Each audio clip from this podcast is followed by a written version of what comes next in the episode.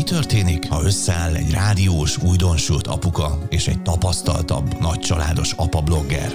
Egy olyan podcast születik, amilyen még nem volt ez idáig itthon. Érdekes témák, amik mindenkit érdekelnek, csak senki sem mer beszélni róla. Őszinte, megható pillanatok, különleges vendégek, minden tabuk nélkül, apa szemmel. Ha meg akarod tudni, milyen az édesapák titkos férfias gondolkodása, mindenképpen tarts velünk. Hidd el, a végén csak azt fogod hajtogatni. Apa úristen! Ez az Apa úristen podcast. A mikrofonnál Sánta Dávid és Molnár Balázs. Halló mindenkinek, ez itt az Apa úristen sorrendben kettes számú epizódja. Sziasztok, újra itt vagyunk. Én Molnár Balázs vagyok. Én pedig Sánta Dávid. És írhatok nekünk e-mail elérhetőségünk is van, ez pedig a hellokukacapauuristen.hu, valamint az Instagramon is megtaláltok minket. Apa Úristen néven. Kövessetek be minket, köszönjük szépen, és hogyha bármilyen véleményetek van egyébként a podcastről, vagy bármelyik témához hozzászólnátok ti is, akkor ezt az előbb említett elérhetőségek bármelyikén megtehetitek, és köszönjük szépen, hogyha itt tesztek.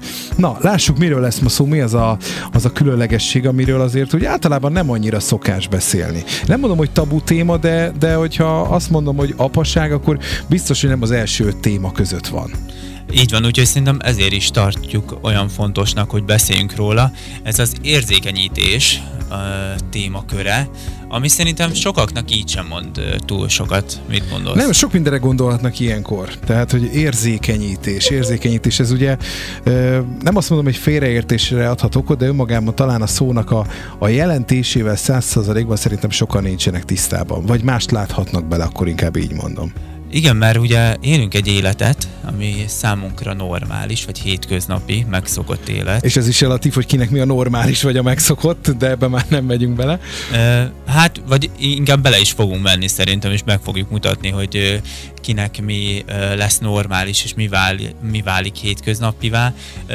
Olyan témát választottunk a mai napra, amit apaként azért tartunk fontosnak, mert egy tök jó példát beszéltünk itt az előbb a felvétel elején, hogy, vagy, vagy előtt, hogy ha mondjuk bemegyünk a boltba, és állunk a sorba a kasszánál, uh-huh. a kislányom fogja a kezemet. Egyébként ez egy megtörtént eset volt, hogy fogta a kezemet, és előttünk volt egy olyan kislány, aki, aki nem volt egészséges uh-huh. az anyukájával. És ebben az esetben felmerül a kérdés, hogy melyik szülő mit csinál, hogyan reagál erre a helyzetre, hogyan kommunikál a gyerekével, mit mond neki, amikor mondjuk először találkozik a gyermekünk ilyen szituációval, vagy olyan személlyel, aki egy kicsit más, különlegesebb bánásmódot érdemel. Úgyhogy igazából ezt a témakört fogjuk úgy nagyon-nagyon körbejárni.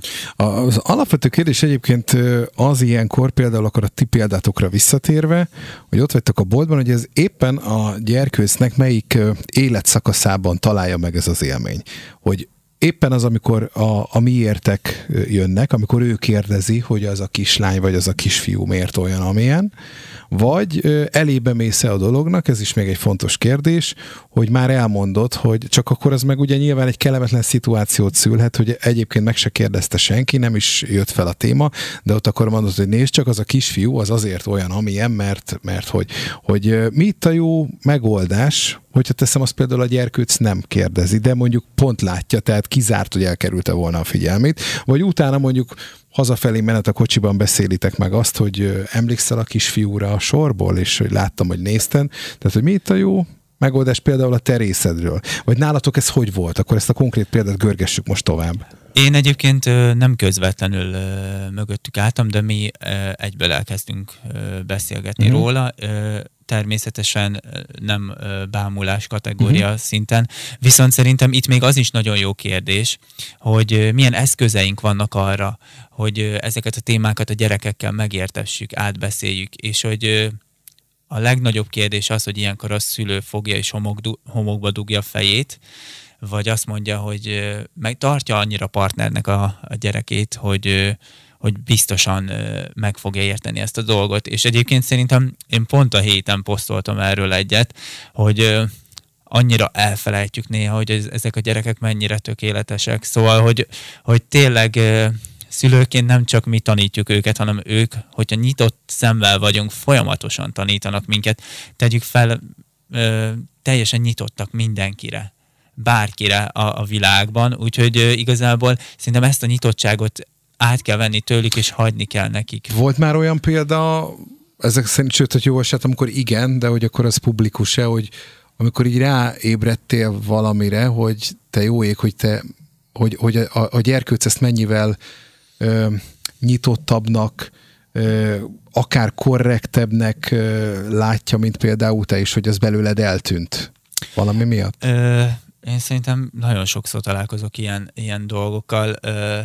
Tegyük fel azt, hogy mm, én nem, nem is tudom, hogy rengeteg játékuk van, szóval ezt uh-huh. mindenki észre fogja venni, amikor szülő lesz, hogy nem tudja honnan, de oda keveredik egy csomó játék, Aha. egy csomó dolog, így a, amivel nem is játszanak a háromnegyedével. És mondjuk a négy éves lányommal, ő a nagy lányom, ő vele már simán meg lehet beszélni azt, hogy figyelj, most ezt át kellene már most már válogatni, és hogy, hogy én, erről nagyon sokat beszélgetünk, hogy legyünk hálásak azért, amink van, legyünk hálásak azért, hogy egészségesek vagyunk első körben, mert hogy ez sem sajnos mindenkinek adatik meg. Második körben pedig az, hogy, hogy azokért a játékokért is, amiket mondjuk ő nem becsül meg, vannak olyan helyzetek, amikor mondjuk nem becsül, akkor én azért sűrűn el szoktam vele beszélgetni, és akkor egy ilyen beszélgetés alkalmával például mondtam, hogy, hogy összegyűjthetnénk, és akkor kereshetnénk valami olyan családot, akinek nagyobb szükség van, olyan gyerekeknek, akik mondjuk nem tudnak ilyet vásárolni. És például egy ilyen beszélgetés alkalmával ő, ő egyből pakolt és egyből mondta, hogy vigyük, és hogy tényleg annyira ment volna és csinálta volna, hogy ez a lelkesedés, ez, a, ez az odaadás, ez, én először csak beszélgetni akartam róla, nem gondoltam volna, hogy ennyire konkrét ö, vágyat fog kelteni benne, szóval szerintem rengeteg ilyen dolog van. Rengeteg. Magában az érzékenyítés azért is egy nehéz kérdés, mert itt is, mint annyi mindenben, és ez biztos majd még elő fog kerülni, ez a tételmondat itt a podcast epizódjaink során, hogy hogy ki mit hoz. Tehát, hogy az egy dolog, hogy a, a gyerkőc, sőt a gyerekek alapvetően egy, egy, egy, egy tiszta lelkű ö, emberi lények, akik, akiket később ront el a társadalom, vagy maga a szülő. De hogy alapból egy, egy jó, jó, jó a kiinduló pont. Aztán, hogy abból mi lesz, az már egy másik kérdés.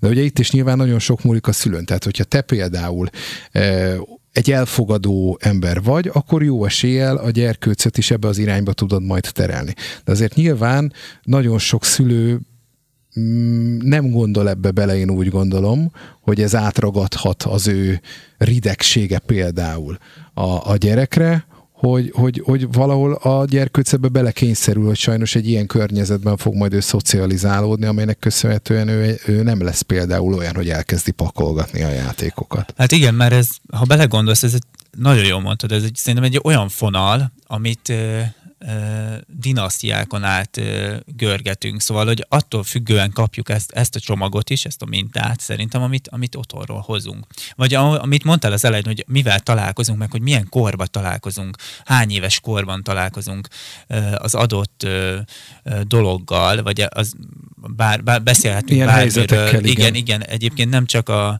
azokról, akik nem egészségesen születnek, vagy nem százszázalékos életet tudnak élni, beszélhetünk itt a, a, a melegekről, beszélhetünk itt a színesbőrűekről, beszélhetünk itt egy csomó dologról egyébként, uh-huh. ami, ami, ami érdekes lehet azoknak, akik, akik mondjuk nem találkoztak ezzel még eddig. Ugye szerintem ebben egyébként nagyon jól mondod, hogy a szülőknek nagyon nagy szerepe van, viszont szerintem az is fontos, hogyha visszagondolsz, nem tudom én, hogyha visszagondolok így a gyerekkoromra, akkor nekem már az óvodából is vannak meghatározó emlékeim ö, olyan pedagógusoktól, akik nagyon tényleg meghatározó pontjai voltak a, az életemnek, és utána általános iskolában is tudok mondani ilyen ö, felnőtteket, és középiskolában is tudok mondani ilyen felnőtteket, akik tényleg ö, arra, hogy én ma maga a személyiségem milyen lett, nagyon nagy befolyással voltak. Úgyhogy egyébként a szülőkön van a legnagyobb hangsúly, én azt gondolom, viszont lehetnek az életünknek olyan pontjai, ahol, ahol bejöhetnek azok a szálak, amik mondjuk tudnak segíteni azon, hogy mondjuk mi a változás útján elinduljunk, vagy megtörjük azt a, azt a vonalat, amint, a minták felhalmozódott sorában, ami mondjuk pozitív irányba fog vezetni minket. Hogy látott te most így nyilván már gyakorló szülőként, tehát én még egyelőre idáig nem jutottam el, hogy kérdéseket kapok, vagy mondjuk ne fellemtett vagy feltett kérdésekre válaszokat adjak, de hogy melyik az a, vagy meddig tart az a szakasza szerinted egy gyerkősznek egy tipre nyilván, mert azért szakértőnek nem mondhatjuk azért magunkat, de hogy amikor még jelentős befolyásoló tényező vagy ebben a személyiségfejlődésben egy gyereknél? Fú, Hát nehéz Hol van kérdés. szerinted a vége? Nehéz kérdés, mert ugye nekem is négy éves a nagy. Uh-huh. Az biztos, hogy én azt mondom, hogy nálunk már egy két éves kortól ez, ez elindul. Szóval, uh-huh. hogy uh, szerintem ezek a, hát sőt, szerintem attól a pillanattól, ahogy uh, tudatánál van és figyeli minden mozdulatodat, már elindul. Mert Tehát minden... az első nagyjából összetettem mondatoktól, amikor már úgy Szerintem beszélgetés még, még beszélge, beszélni se kell hozzá, már veszi le a mintákat mindenféle, uh-huh. uh, mindenféle szempontból a gyerek, úgyhogy igazából szerintem... Nektek mikor volt, vagy mi volt az első ilyen momentum, amikor így, így egy számára szokatlan helyzet előtt állt? Ö, szerintem három és fél uh-huh. éves volt a Bella, amikor ö, ebben a szituációval találkoztunk a boltba, ö, de de én azt gondolom egyébként, hogy nagyon sok minden befolyásolja ezt. Mi rengeteget olvasunk egyébként. Nekem a blogon van is egy ilyen apa olvas, olvas felkiáltó jellel egy ilyen ö, rész, és hogy én, én egyébként próbálom úgy összeválogatni a tartalmakat, amiket kap. Attól függően, hogy ezt egyébként érzi a szülő, hogy a, a gyerekem mennyire befogadó, vagy hol, hol áll éppen. Ö, így egyébként a könyvek rengeteg világában, hogy miket tud tényleg befogadni, feldolgozni. Úgyhogy én próbálok olyan könyveket választani szándékosan, ami, amiről utána nagyon jókat lehet beszélgetni. Úgyhogy nem, nem, nem tudom, hogy ez most furán fog-e hangzani, de most például van egy régi könyv, az a neve, hogy Heidi. Uh-huh. vagy Heidi, vagy nem is tudom, ez egyébként egy klasszikus, még anyukám is ismeri, egy regény, uh-huh. és ennek a klasszikusnak van egy, egy kicsit butított, hát idézőjelben butított gyerekeknek szánt változata, és, és tök véletlen a gyerekeink Egyébként a TV pozitív hatása a, az egyik ilyen... Na, végre valami pozitív. Igen, egy ilyen, egy ilyen mesét láttak, és, és teljesen megszerették mind a három ezt a mesét, a meséről a röviden annyit, hogy a kislánynak meg, meghalnak a legelején a szülei, szóval már mm. alapból egy ilyen durva történet, ami azt gondolná az ember, hogy nem biztos, hogy egy négy évesnek, meg egy két évesnek annyira való. A két évesek nem feltétlenül fognak föl belőle mindent, de a négy éves megért, és a nagypapája neveli a hegyekbe ezt a kislányt utána lesz egy tolókocsis barátnője is egyébként, szóval már egyből kettő olyan téma feljön, ami mondjuk nem hétköznapi, és, és azt gondolná az ember, hogy mondjuk nem, nem feltétlenül kellene erről beszélgetni egy gyerekkel. No már most az én gyerekeim annyira megszerették ezt, hogy én megszereztem könyvbe is, és úgy, hogy kívülről ismerte a kislányom a történetet, könyvbe olvastam neki, és rendesen elérzékenyült a, a történeten, és magával ragadta, és láttam, a, rátja az ember a tekintetén az arcán, hogy mennyire átérzi azt. Szóval szerintem föl se fogjuk azt, hogy ezek a gyerekek mennyi befogadásra és mennyi érzelem. De ezt hogy kell elképzelni? Tehát gondolom nem sírt, vagy igen? De, de volt de, olyan, aha, hogy aha. sírt, és akkor ott megálltunk, megbeszéltük a dolgot, megbeszéltük a történetet, hogy, hogy ez miért alakul így, megbeszéltük, hogy természetesen az ő nyelvez. Na bár most fel fogok tenni nagyon hülye kérdést, Igen? mert én most még ugye újdonsült szülő vagyok, és amit én például kimondottan rosszul viselek el, ha bármilyen okból fogva, én a gyerekemet sírni látom. És most, most még jelen pillanatban, nyilván, mert nekem ez még egy új dolog, lehet, hogy én is óvnám még attól, hogy őt sírni lássam ilyen hamar. Most nyilván nem két és fél napra gondolok, hanem mondjuk akkor két négy. évesen, vagy négy évesen. Tehát, hogy, hogy, hogy hol, hogy lehet meghúzni azt a határt, hogy alapvetően én szeretném megóvni őt a, a rossz dolgoktól, de közben meg azért építse őt. Hát ezt nem úgy kell elképzelni, hogy zokogott, hát, gondoltam, hanem megha- igen, meghatódott igen. igazából, igen. és hogy egyébként ugye nem tudod, hogy milyen hatást fog gyakorolni rá. Viszont azt, tud, azt láttad, hogy mondjuk volt egy mese, ami nagyon tetszett neki, és akkor ugyanazt megvetted könyvbe, és könyvbe sokkal nagyobb hatással volt rá, pedig a történet maga ugyanaz volt. És hogy ami érdekesebb szerintem az, hogy négy évesen kb itt-ott volt illusztráció. Mennyire felfogja azt, hogy csak a történetben és a saját agyába elképzeli a szituációt. Szerintem itt az a fontos szülőként, hogy, hogy akkor hogyan reagálsz, amikor ez a helyzet kialakul. Én se vagyok szakértőben, ez, hogy én is gyakorló mhm. apuka vagyok, én nem is akarok itt igazából tanácsokat mondani, csak a saját tapasztalataimat tudom elmondani. Én azt gondolom, hogy baromi fontos ezeket a témákat megbeszélni velük, hiszen ők egyébként akkor is tapasztalják ezt, mikor mikor mi azt gondoljuk, hogy nem. Például a, az egyik nagypapája, ő elment uh-huh. hamarabb, és mi akkor is ezt megbeszéltük vele, akkor még kisebb volt, talán három éves körül lehetett, és hogy természetesen nem azt mondtuk, hogy meghalt, hanem hogy a csillagok között van, és itt ennél a történetnél is visszacsatoltunk úgy, hogy az ő szülei a csillagok között vannak, és akkor figyelnek onnan rá, vigyáznak rá, hogy attól függ, hogy a saját nyelvezetén ennyi idősen hogy tálalod a szerintem a gyerekeknek, viszont tisztában lesznek vele. Vagy azt, hogy például a, a, ennek a kislánynak a történetben a legjobb barátnője mondjuk mozgássérült, és akkor ezt, ezt, ezt a témát akkor felhozza ez a történet, beszélgettek róla, hogy ő is ugyanolyan ö, életet él, mint mi, viszont, viszont mekkora kincs az, hogy mm, legyünk hálások, hogy nekünk mondjuk megadatik az, hogy, hogy, hogy rendesen tudunk mozogni, szóval hogy szerintem ilyen tekintetben lehet beszélni róla, meg arról, hogy arról lehet beszélni, hogy ő, ő neki miben változott meg az élete, vagy hogy ő, ő neki nagyobb segítségre van szüksége, mm, ha lát egy ilyet a buszon, hogyan reagáljuk, segítsünk neki, vagy hogyha bárhol olyan személyel találkozik, aki, aki bármilyen fogyatékkal él, akkor annak hogyan tudunk segíteni. Szerintem ebben lehetnek segítségünkre ezek a könyvek. És hol van szerinted az a határ, mert ugye átcsaphat ez szerintem egy idővel abba is, hogy túlságosan szenzitív típus lesz, és hogy, hogy, hogy ne legyen az, mert az is nyilván van annak is egy, egy egészséges határa, hogy, hogy hogy lehet szerinted például erre, erre, erre figyelni? Hát én azt gondolom, hogy egyébként nem direktbe kell ezeket a témákat folyamatosan Igen? hozni, hanem tényleg amikor az élet hozza. Szóval itt mondjuk nálunk most adott volt egy történet, ami feldobott két ilyen témát, akkor egyből meg is beszéltük, hogy, hogy mindig aktuálisan, amikor történnek ezek az események mondjuk a gyerekeink életében, és itt egyébként vissza is csatolhatunk a beszélgetés legelejére, hogy vajon mennyire kell ö, beszélni róla, ö, akkor amikor az életében a saját életszakaszának megfelelően akar kell beszélni róla. Én azt gondolom, hogy lehet ez egy folyamat, szerintem, uh-huh. folyamatos dolog, viszont nem mondom, hogy én most szándékosan ilyen tartalmú könyveket fogok folyamatosan vásárolni neki, de azért nem baj szerintem, hogyha minél hamarabb találkozik ezzel az ember. Ha már könyvnél tartunk, és a közelmúltban nagy vihart kavart, nektek például a polcon megtalálható a Meseország mindenki című kötet?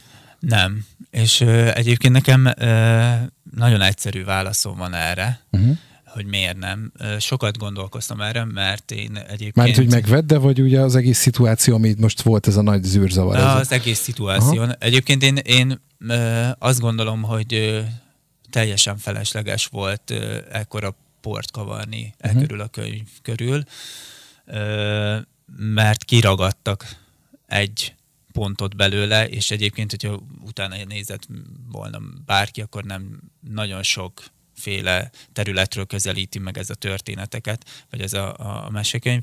Én azt gondolom, hogy, hogy itt azt éreztem, hogy nem feltétlenül fontos nekem szándékosan beragadnom az életükbe ezt a dolgot, hanem itt is, például, hogyha ha, ha találkoznánk olyan szituációkkal, amiket a könyv feldolgoz, és folyamatosan téma lenne otthon a gyerekeknél, érdeklődnének, stb. stb., akkor mondjuk nem, zár, nem zárom ki, vagy nem tartom kizártnak, hogy megvásárolnam, és akkor viszont tök jó lehet segítségként, hogy különböző beszélgetéseket elindítson.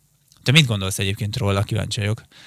Én eleve nem értettem ezt a cirkuszt, vagy én egy kicsit én túl hype hogy most ne olyan csúnya, nem éppen magyaros kifejezéssel éljek, de hogy én ezt én kicsit ilyen műbalhészagú volt nekem. Egyetértünk. Ö, és nyilván azt is, hogy tehát egészen a könyv darálásig eljutottunk, az viszont már épp, hogy nem a, visszaköszönt a régmúlt, amikor meg könyveket égettek, tehát az meg viszont nekem már a szégyen teljes kategória volt, hogy a, a, oké, ez a véleménynyilvánításnak is egy formája, de a, próbáljunk meg meg méltóképpen nem tetszésünket kifejezni egy ilyennel kapcsolatosan. A, a könyvbe ö, nem olvastam bele, nem találkoztam bele egészen banális okokból, éppen akkor nem lehetett sehol kapni. Mert egyébként a, erre mondják, hogy a negatív reklám is kitűnő reklám, ezen a könyvnél egyébként hatványozottan igaz volt, mert egyébként pont eszembe jutott, hogy egy könyvesbolt előtt mentem azon a héten, amikor ennek egy ilyen nagy visszhangja volt, hogy most bemegyek és belelapozok, és megnézem, hogy mi ez az állítólag nagyon szégyen teljes kötet, de nem volt két boltba is bementem, és sehol nem találkoztam vele, így, így, így úgy nem tudok róla mondani semmit, viszont önmagában utána is nyilván utána olvastam, hogy, hogy valóban nem csak az, a kiragadott történetek vagy dolgokról van szó ebben a könyvben, tehát én is tudom róla, hogy ez azért egy sokkal komplexebb dolog, mint amiről szó van, én nyilván én egy szabadabb felfogású embernek tartom magam úgy alapból, és ez valószínűleg a, a szülői létemre is át fog ragadni, de én ezt vállalom. Én nem láttam ebben ekkora problémát, sőt egyáltalán nem láttam ebben problémát. Hát ugye kérdés az, hogy a 21. században ö, melyik szemlélet állja meg a helyét, szóval, hogy egyébként ö, hogy egy olyan társadalomban élünk, ha, vagy egy olyan, hogyha belegondolsz, vagy, vagy csak egyszerűen felmegyünk a, a Netflixre, az HBO Go-ra, elkezdünk nézni egy sorozatot, aki egy kicsit is tudja kívülállóként nézni ezeket a sorozatokat, az látja, hogy hogyan vannak ezek felépítve, milyen, milyen oldalról közelíti meg őket, milyen személyes problémák vannak benne, mindegyikben ott van az érzékenyítés. Mindegyikben. Azért, mert azért ez a világ, szóval most már változik folyamatosan, és azért szerintem nem mindegy, hogy mire, mire állítjuk, vagy állítjuk be a gyerekeket, vagy mire készítjük fel. Úgyhogy igazából mehetünk a világ ellen, de nem biztos, nem biztos, hogy ez hosszú távon kifizetődő lesz. Könyvről jut eszembe, amit viszont már megvan a könyves polcunkon, úgyhogy még nyilván nem tartunk ott, nem tudom, ezzel találkoztál, biztos találkoztál vele, hát gyakorló apukaként miért ne futottál volna bele. Az Esti Mesék lázadó lányoknak nevű könyv. Igen, és annak igen. már van egy második része is egyébként, ha jól tudom, sőt biztos is már mindkettőt megvettük, amivel nekem nem titkolt célom volt, amikor még nem tudtam, hogy lányom lesz egyébként, valószínűleg a lelkemén bíztam benne egy kicsit, és azért vettem meg, nem egyébként nem azért, hanem azért, mert a feleségem alapvetően ő, ő is egy, ő egy érzékeny lány. És ö, volt egy olyan életszakasz, amikor egy kicsit úgy ö, nehezebben ö, boldogult. Volt egy ilyen kis érzelmi mélypontja kollégák és egyebek miatt, amikor úgy egy kicsit ugye el volt talán nyomva, hogyha uh-huh. mondhatok egy ilyen drasztikusabb kifejezést, és akkor ezt úgy vettem meg neki, hogy ezt olvassa el, ezzel egy kicsit erősödjön, mert ebbe száz-száz történet van ma már híres emberekről, és hogy egyébként mennyire akár nehezen indult, tehát száz sors van benne, hogy hogy, lett, hogy lettek ők azok, akik, és közben meg a, a háttere, előélete, stb. Egy oldal minden egyes sztori, tehát tök rövid az egész, és teljesen érthető, és tényleg meseszerűen van leírva az egész, de úgy vettem neki, hogy ezt neki most úgy kis ilyen kis lelki feltöltődésnek, és majd majd kislányunknak, vagy kisfiunknak, de szerencsére ez így pont betalált, mert kislánynak, hogy majd amikor olvasgatunk neki meséket, akkor, akkor ilyen rövid történeteket is megosztunk vele, hogy úgymond inspirálja. Ez szerintem nagyon fontos. Figyelj, hát hány, hány amerikai film épül erre, hogy elnyomnak diákokat az középiskolába, a, bárhol a, bármilyen, vagy egy, akár tényleg egy munkahelyen elnyomnak embereket, uh-huh. hogy nem tudnak érvényesülni, nem tudják saját magukat megmutatni. És azért valljuk be, a világ szerintem nem kedvesebb lesz. Szóval, hogy így, hogy így mindenféle eh, témában érinteni kell ezt, és egyébként én nagyon jó, hogy ezt mondod, mert nagyon boldogan hallom, hogy már készültél erre, vagy készülsz erre, hogy majd ö, olvasol neki, mert szerintem egyébként a, a, az, az apaságnál nagyon fontos. Én, én egy nagyon fontos dolognak tartom a, az esti rituálét, és ezt most már neked is van tapasztalatod a fürdetéstől kezdődően, Hát akkor itt egy lábjegyzet, meglepe hallom, hogy mindenkinél rendszer állt be az életébe, a, ilyen korban már nálunk nincs, tehát vannak bizonyos fix pontok, de valahogy még nem érzem a rendszert, míg a kortársaknál, mert most sok baba van a környékünkön, aki a, a hasonló időszakban született, mint a, a mi bellánk, de, de nálunk valahogy nincs. Nagyjából az van, amikor amihez kedven van a kisasszonynak, azt, az, az történik, és mi ebben partnerek vagyunk jelen pillanatban. Tehát még a rendszert annyira nem lehet felfedezni nálunk. De majd lesz. Kénytelenek lesznek rendszert minden dologban, ezt így három gyerek után elmondom, hogy biztos, hogy lesz rendszer, és akkor azért az esti fürdetés, az, meg az utána nálunk a meseolvasás, ez a, az, az én reszortom, szándékosan nem adom ki a kezem, kezeink közül, hiszen itt, itt tudsz én azt érzem például a lányaimnál, én is baromi boldog voltam, hogy először lányom született, hogy, hogy itt alakul ki az a kapcsolat, amit most, ha tudnék mondani egy filmet, hirtelen a, a fú, nem jut eszembe a címe, amikor terhes lesz az anyuka is, és a, a lánya is. Várja, volt örömapa, örömapa, örömapa kettő, Örömapa kettő, meg igen. az örömapa egy, és ott a, az apuka, anyuka, vagy az apuka kislány kapcsolat jut eszembe, szóval én mindig egy olyan kapcsolatra vágytam, hogy annyira ragaszkodjon majd hozzám a, a lányom, hogy azt lássam a szemébe, amit az a az a kis, vagy ez a felnőtt nő már igazából adott az apukájának, és hogy ehhez szerintem azt kell, hogy baromi sok kommunikáció legyen a, a, a gyerekek és az, az édesapa között, és hogy mivel egy felgyorsult világban élünk, muszáj ezt valahol bepótolni, és csak ott. ott. Figyelj, én készülök rá, van három kosárdi a filmem, még az én gyerekkoromból, és én óriási vetítésekre készülök egyébként, és, és, és be vagyok már tárazva, meg, meg vannak terveim, aztán meglátjuk, hogy ezek közül mi valósul meg, vagy mi, mi fog ebből működni. Igen. De, de meglátjuk, igen. Úgyhogy szerintem nagyon, nagyon jó eszköz ez az olvasás arra, hogy az érzékenyítés is ö, ö, olykor-olykor fel, felkerüljön a palettára.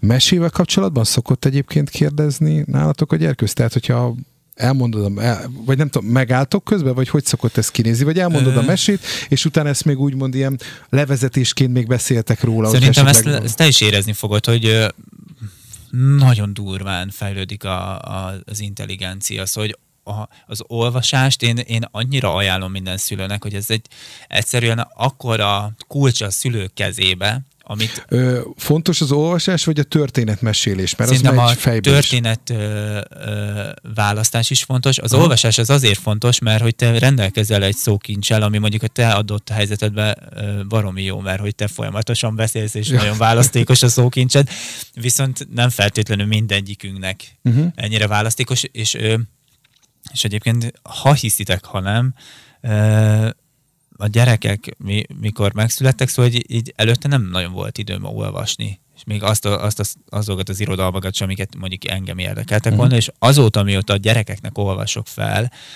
annyit javult a felolvasási képesség, hogy ezt így elmondani nem tudom. Szóval, hogy nem csak ők fejlődtek, hanem én is, de hogy, hogy egyébként szerintem tényleg egy akkora fegyver, és egy annyit fejlődnek, hogy hihetetlen. Visszatérve a kérdésre, közben is megállunk, hogyha van kérdés, de általában a végén a csattanó után szokott lenni az, hogy egy kérdés cunamit elindít, és akkor Nálunk az van, hogy én még utána ott befekszek hozzá, és akkor még beszélgetünk akár az, a napról, vagy, uh-huh. vagy akár a történetről, és egyébként nagyon jól lehet csatolni a, a saját életünkben megtörtént eseményekhez, vagy tapasztalásokhoz, úgyhogy egyébként tényleg csak ajánlani tudom mindenkinek. Mm, milyen meséket szoktál egyébként olvasni? Vagy, tehát a nagy klasszikusok előkerülnek, vagy vannak modernebbek is? Most ezekkel viszont nem vagyok képbe, hogy jelenleg a piacon éppen mi az, ami ö, Hát, hogyha őszinte leszek, a, ezeket a Walt Disney mesék is megtaláltuk a polcon, nem vagyok elragadtatva tőlük. Főleg, hogy egy rövid kivonat nagyjából. Igen, igen, igen. igen. Én uh, igyekszem olyan meséket válogatni, Egyébként a könyvajánlók vannak a blogon, úgyhogy tényleg ajánlom mindenkinek, amik tartalmilag nagyon-nagyon jók. Van, van egy mesekönyv, az a cím, hogy Apa szeret, az, az például arról szól, hogy apa mindig elmegy dolgozni, és akkor, hogy, hogy de hát akkor nem is szeret, mert mi itthon hagy, stb. stb. Szóval, hogy egy olyan témát dolgoz fel, ami tényleg egy édesapával összeköthető, azt nagyon szeretem. Akkor a, hát az én gyerekkoromban még így e, visszacseng ez a, ezek a Franklin történetek, ezt nem uh-huh. tudom, hogy emlékszel, ez egy zöld kis Igen. teknős béka, Igen. és egyébként azoknak mindegyiknek nagyon jó mondani valója van. Én ezt baromi nehezen, de beszereztem az összeset, úgyhogy hmm. azokat olvasom. Akkor van például Beatrix Potter, aki egy, ő volt az első női mesekönyvíró és illusztrátor, illusztrátor Angliába. Az ő történetei elég nehezek, szóval, hogy a magák, ott, ott, ott még állatok is Sok a kérdés után ezt a bosszút. Igen, nem. állatok is bekerülnek pitébe, meg sorol, sorolhatnám, oh. szóval hogy ez, ez egy régi társadalom, viszont nagyon gyönyörű illusztrációk vannak benne. Itt én egyébként fontosnak tartom azt is, hogy az illusztráció milyen. És most már abban a szerencsés helyzetben vagyok, hogy nagyon sok kortárs ír, írótól kapok ö, könyvet ehhez az ajánlóhoz, és ö, nagyon jó könyvek közül lehet válogatni tényleg, úgyhogy, úgyhogy ajánlom, hogy majd a blog, blogon... van 2021-ben ö, új magyar mesekönyv? Olyannyira, hogy van, hogy képzeld el, hogy illusztrátorok is vannak. Például van uh-huh. egy illusztrátor, Lang Annan a neve, ő kint él Olaszországba, és ő egy csomó magyar mesekönyvnek készít illusztrációt, és most és Farkas Nóra írta ezt az Apa Szeret című könyvet, ő, ő rengeteg mesekönyvet ír, de egyébként például a, ugye ha jól mondom, Bartos Erika, uh-huh. aki a Bogyó és Babóca történeteknek a ah. szerzője. Remélem, hogy jól mondtam a nevet. Ö, ő is egyébként nem csak mesekönyveket, hanem verses köteket, köteteket is szerez, és egyébként olykor-olykor, amikor csalás van, ami azt jelenti, hogy becsúsztunk a fürdetési idővel, akkor nem mesét olvasunk, hanem verseket és ez is, és az ő verses köteteit például nagyon-nagyon szereti a Bella. Szóval szerintem amúgy az is fontos, hogy figyeljük, hogy a gyerekeknek mire van igénye. Na, most viszont telefonálunk egyet, mert hogy ígértük ezt még a, a leges-leges legelején, hogy időnként azért nem csak mi fogunk itt megfejteni, vagy, vagy okoskodni ebben a, ebben a podcastban, hanem megkérdezünk másokat is, olykor szakértőket is, vagy nem szakértőket, de mindenképpen tapasztaltabb embereket bizonyos témakörökben, és most lesz ennek az első ilyennek a pillanata. Kivel fogunk beszélni? Igen, Lugosi Dórit fogjuk felhívni, ő az Elég Jó Anya Instagram oldal és a Danka Csoda Instagram oldalt üzemelteti, működteti.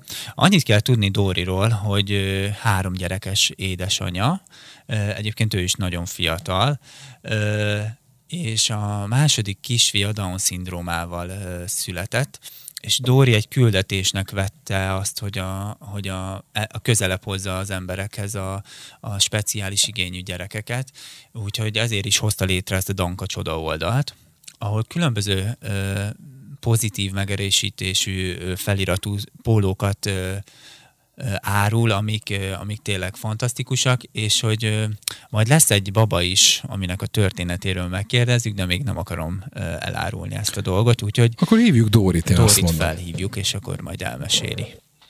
Na, és a vonal túlsó végén akkor már is itt van velünk Logosi Dóri. Szia! Sziasztok! Szia Dóri, hello! Na hát itt nagy vonalakban már beszéltünk itt az érzékenyítés, mert hogy ez a mai podcast epizódunknak a, a, a témája, hogy kislurkóknak hogyan mondjunk el olyan dolgokat, ami nekünk felnőttek számára pofon egyszerű, könnyen érthető, de nekik még újszerű és nem érthető, és ezért gondoltuk, hogy veled is beszélünk. Minden felnőttnek pofon egyszerű és nagyon érthető, hogy az ilyen tapasztalatokra is nagyon kíváncsiak leszünk majd. Hát figyú, igazából azt, amit mondasz, én úgy gondolom, hogy ez a gyerekeknek sokkal egyszerűbb, mint a felnőtteknek, mert a gyerekek alapvetően nincsenek arra nevelve, amikor még nagyon kicsi, két-három-négy évesek, hogy a, hogy a mássággal egyébként így foglalkozzanak. Egyszer volt egy interjú egy lányjal, akinek nem volt keze, és ő azt mondta, hogy az oviba jött rá, hogy neki nincs keze, mert hogy egészen addig őt ez abszolút nem zavart, és senki nem hívta rá fel a figyelmet, úgyhogy szerintem az érzékenyíteni, szerintem érzékenyíteni a, a felnőtteket kell inkább, mint a gyerekeket, mert a gyerekeket ez alapvetően szerintem nem zavarja, vagy nem, nem ütköznek meg annyira rajta, mint mondjuk a felnőttek. Akkor mi a tapasztalatod? Úgy teszem fel inkább a kérdést, hogyha mondjuk egy, egy gyerkőc feltesz egy kérdést, hogy mondjuk lát, lát, lát egy fiút, egy kisfiút, vagy egy kislányt, aki másmilyen, mint mondjuk ő, vagy úgy a nagy átlag, akkor mi a tapasztalatod? Általában a felnőttek ezt hogy szokták kezelni? Zavar? Ők jönnek zavarba?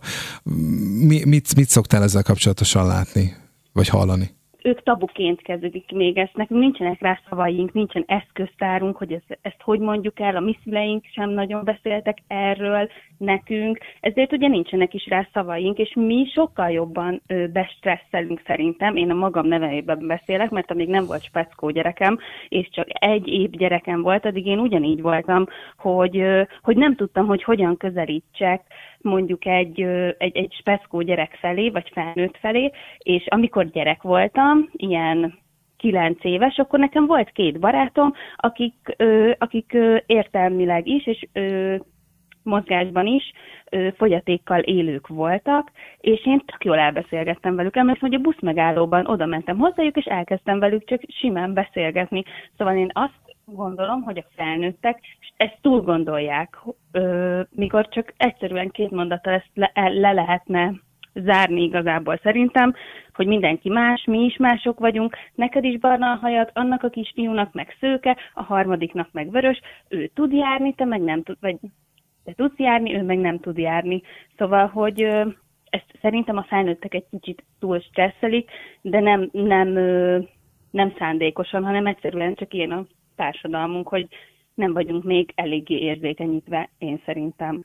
És nálatok mi volt egyébként a helyzet, mert hogy született egy Down-szindrómás lurkó, a másik gyerkőcnek, vagy a másik két gyerkőcnek ezt például te hogy mesélted el, vagy hogy értetted meg velük, hogy miről van itt szó? Egyáltalán felmerült-e mm, náluk Sehogy. a kérdés? Még ugye kicsik, szóval Igen, a, persze. a legnagyobb is három, három és fél éves, uh-huh. még még ő így nem kérdezte meg, biztos, hogy meg fogja egyszer kérdezni, de, és nem is tudom, hogy mit fogok konkrétan mondani, uh-huh. de mhm. biztos, hogy benne lesz az, hogy, hogy az a lényeg, hogy, hogy mindenki más, és mindenki úgy szerezhető, ahogy van, és úgy fogadjuk el egymást, ahogy vagyunk, ne akarjuk megváltoztatni, hanem, hanem az OAD is úgy.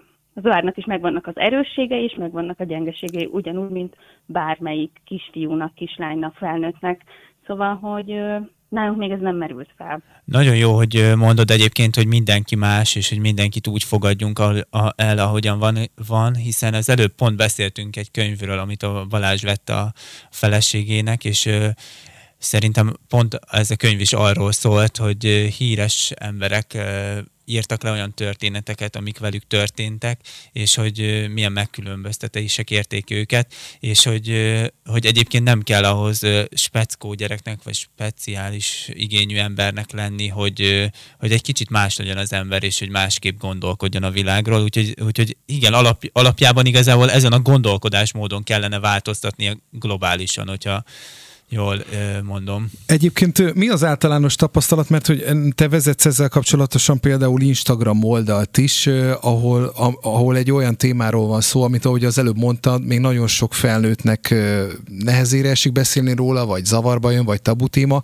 Mik a visszajelzések, mert biztos vagyok benne, hogy csőstől kapsz ilyeneket. Vannak visszajelzések, és a legtöbb az arról, az, az arról szól, hogy tök jó, hogy írok róla, nagyon jó, hogy ilyen őszintén írok róla, hogy megírom a, a negatívumot is, meg a pozitívumot is, és hogy sokan írtak, például gyógypedagógusok, tanárok, akiknek az segít, hogy elolvassák ezeket a bejegyzéseket, amit egyébként én Szóval, hogy én ettől nagyon örülök, hogy, hogy van, vannak fülek, ahova eljut, vannak támogatók, meg minden, hogy van, van, hogy van az a réteg, akinek már átmegy, és nem akarom a réteget direkt így, tehát nem, nem negatív értelemben. Persze. vannak azok, akiknek mondjuk a környezetükben ö, több ilyen esenis, vagy, vagy fogyatékkal élő, bár én utálom ezt a szót, speckó gyerek vagy felnőtt van, ők nyilván érzékenyedtek már erre a témára, de nagyon sokan még nem, és nyilvánvalóan lesznek olyanok, akik soha nem, nem fognak erre, nem tudnak erre leérzékenyedni, de én azt gondolom,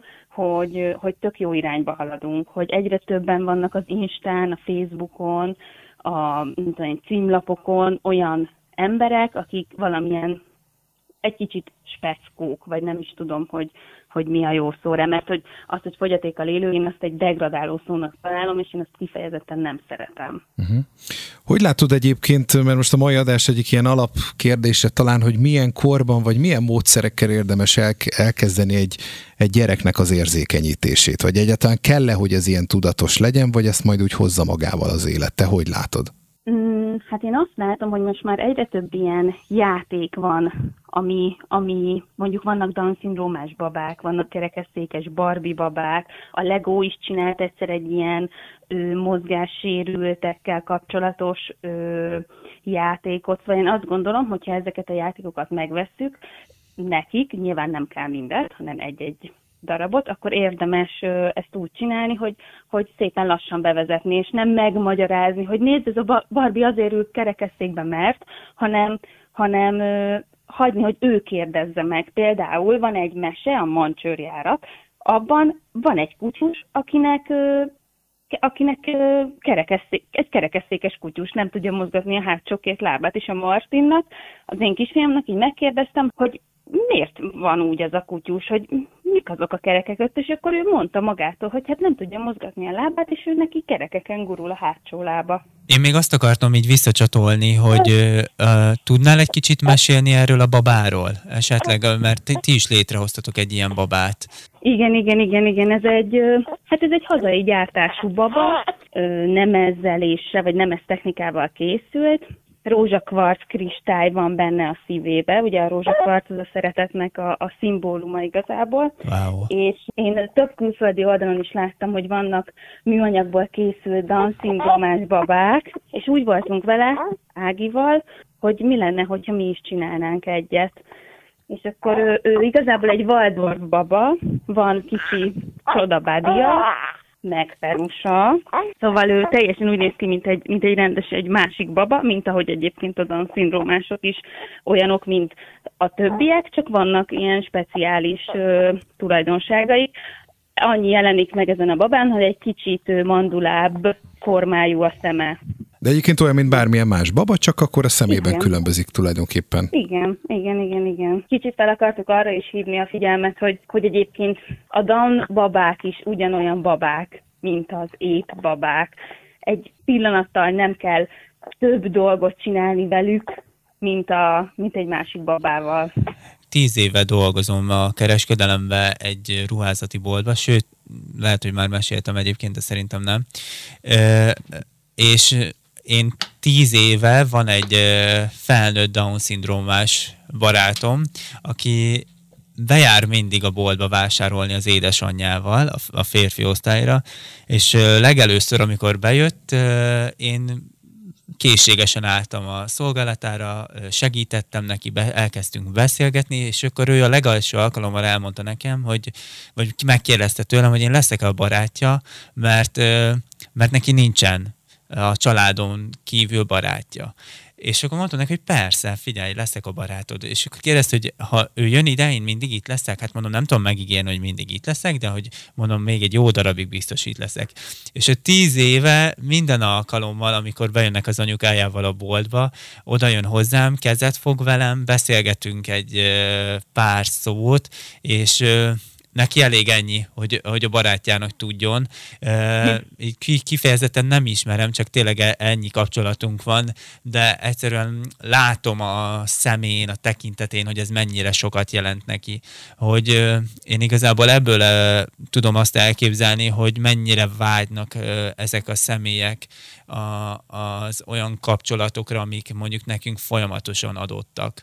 És ezt azért tartottam fontosnak elmondani, hogy hogy tényleg a felnőttek is legyenek nagyon nyitottak, és beszélgessenek be velük, mert ez ugyanolyan, mint amikor látunk mondjuk egy, egy nagyon öreg embert egy padon ülni, és mondjuk leülünk melléjük, és mondunk neki két szót, és ez egész napját felvirágoztatjuk.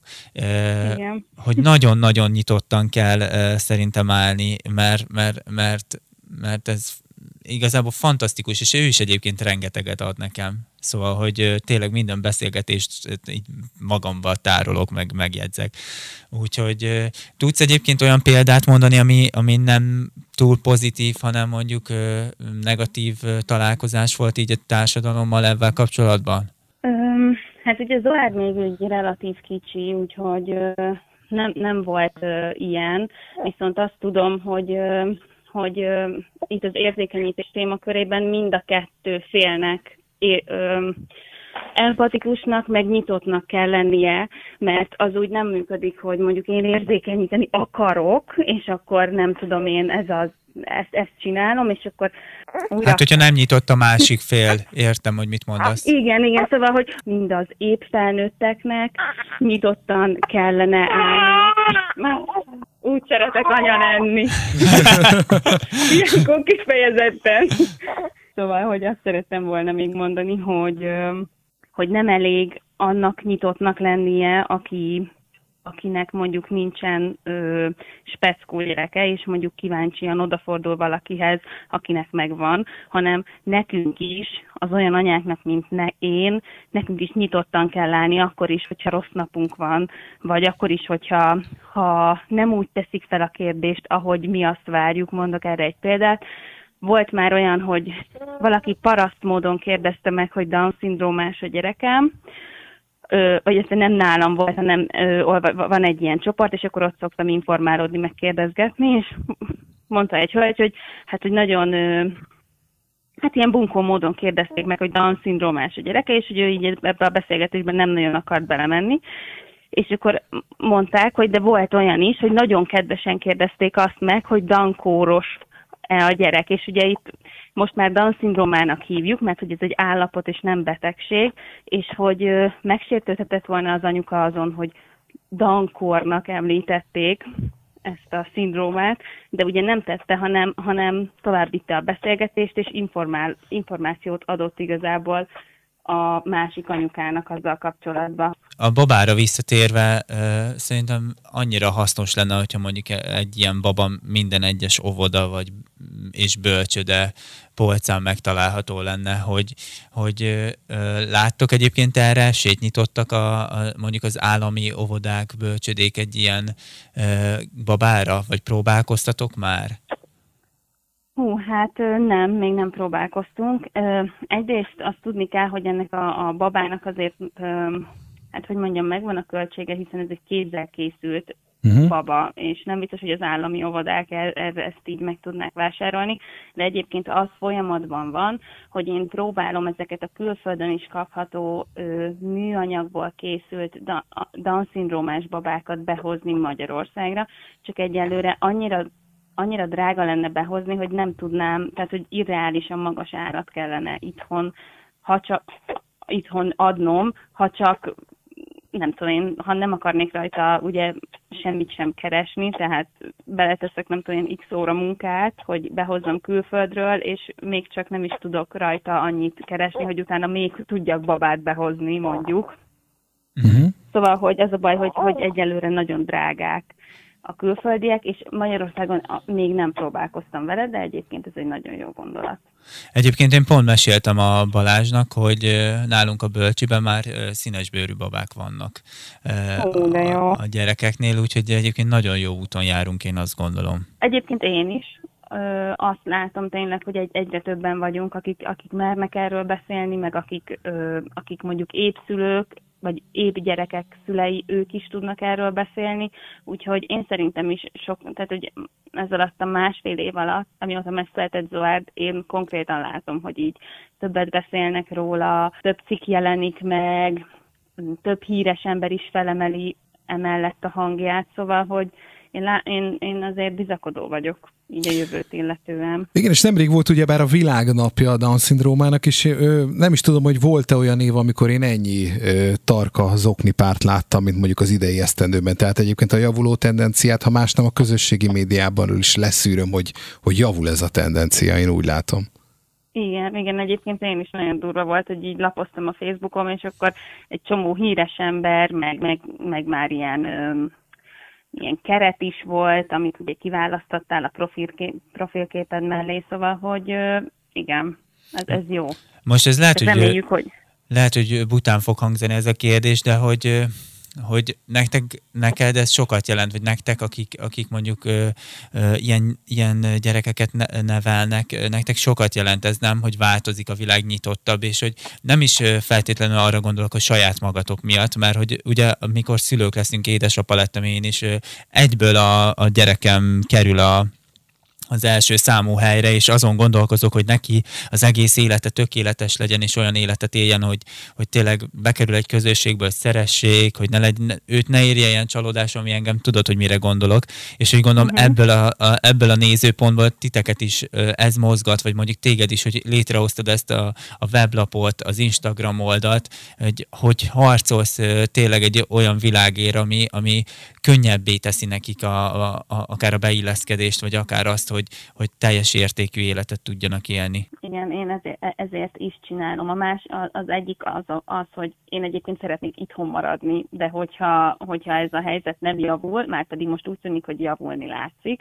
de hogyha nem javul, akkor, akkor én én, na, én mindig azt mondtam, hogy én itthon szeretnék, Magyarországon szeretnék élni, de hogy azért sokszor elgondolkodtam az elmúlt egy évben, hogy mennyivel egyszerűbb lenne nekünk egy Svédországban, egy Dániában, valahol nyugatra, ahol, ahol, ahol nem tudom én, nem, nem hír, hogy egy Down-szindrómás lány van a, a címlapon.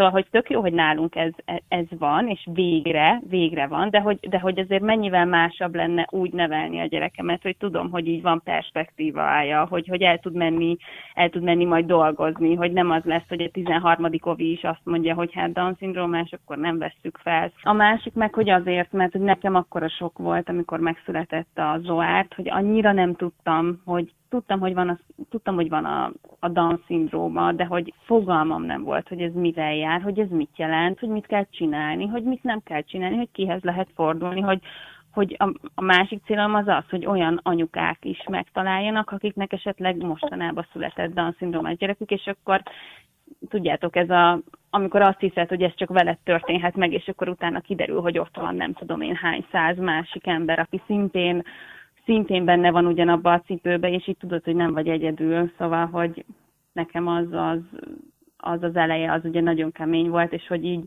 szeretném, hogy így akik ez, akiknek a jövőben születik babájuk Down-szindrómával, azok, azok így halljanak arról is, hogy amúgy erről így lehet beszélni meg, meg hogy milyen, milyen opciók vannak, úgyhogy ez a kettő, ami, ami így fontos nekem. Dóri, nagyon szépen köszönjük, hogy ezeket elmondtad nekünk, és én bízom benne, hogy azért minél több polcon fent lesz majd ez a Danka baba, és nektek pedig minden jót kívánunk. Igen, nagyon szépen köszönjük, hogy segítettél nekünk a Én meg nagyon szépen köszönöm, hogy hívtatok. Szia, szia, szia, sziasztok! Szia, szia! Sziasztok! Na hát azért sok érdekes dolgot megtudtunk, meg hát nyilván egy, egy olyan szemszöget, egy, egy, egy olyan speciális szemszöget, ami, ami azt hiszem, hogy, hogy nem, nem biztos, hogy szembe jön velünk minden nap. És nézd meg azért, amit a, az epizód elején így gondoltunk, sok tekintetbe dugába dölt. Itt gondol, hát itt arra gondolok, hogy például tényleg ez a, a, a amit Dóri mondott, ez nem, úgy nagyon megragad bennem, és egy, itt most megint változott valami a, a gondolkodásmódomban, az, hogy hogy valóban tényleg a gyerekek ennyire nyitottak, és hogy tényleg erre a szándékos befolyásolásra, vagy nem is tudom, hogy ezt, ezt szebben hogy tudnám megfogalmazni, van ez szükség, hiszen ők tényleg annyira elfogadóak egymással, hogy, hogy, hogy nekünk kéne. Látod, itt is visszajön az, amit mondtam, hogy nekünk kellene tőlük tanulnunk. És talán ez végszónak is jó, én úgy gondolom így erre az epizódra, mert hogy ez azért rendesen kifacsartuk ezt a dolgot, de hát a következő alkalomra is azért tartogatunk nektek meglepetéseket, szóval én mindenkit csak is arra tudok biztatni, hogy egyrészt iratkozzon fel, nyomja meg a megfelelő gombokat a megfelelő felületen, attól függően, hogy Apple vagy Spotify vagy bármi más, és tartson velünk legközelebb is. Tartsatok velünk! Küldjetek e-mailt, hogyha esetleg a mai elhangzottakhoz hozzá szeretnétek szólni, vagy mondjuk témajavaslatotok lenne, vagy csak úgy egyszerűen valamiféle feedbacket nyomnátok nekünk. Ez a hellokukat.apaúristen.hu, ez az e-mail címünk, vagy be is követhettek minket Instagramon. Apa úristen. Ennyi csak az egész, találkozunk legközelebb, és köszönjük a figyelmet. Köszönjük, sziasztok! Sziasztok!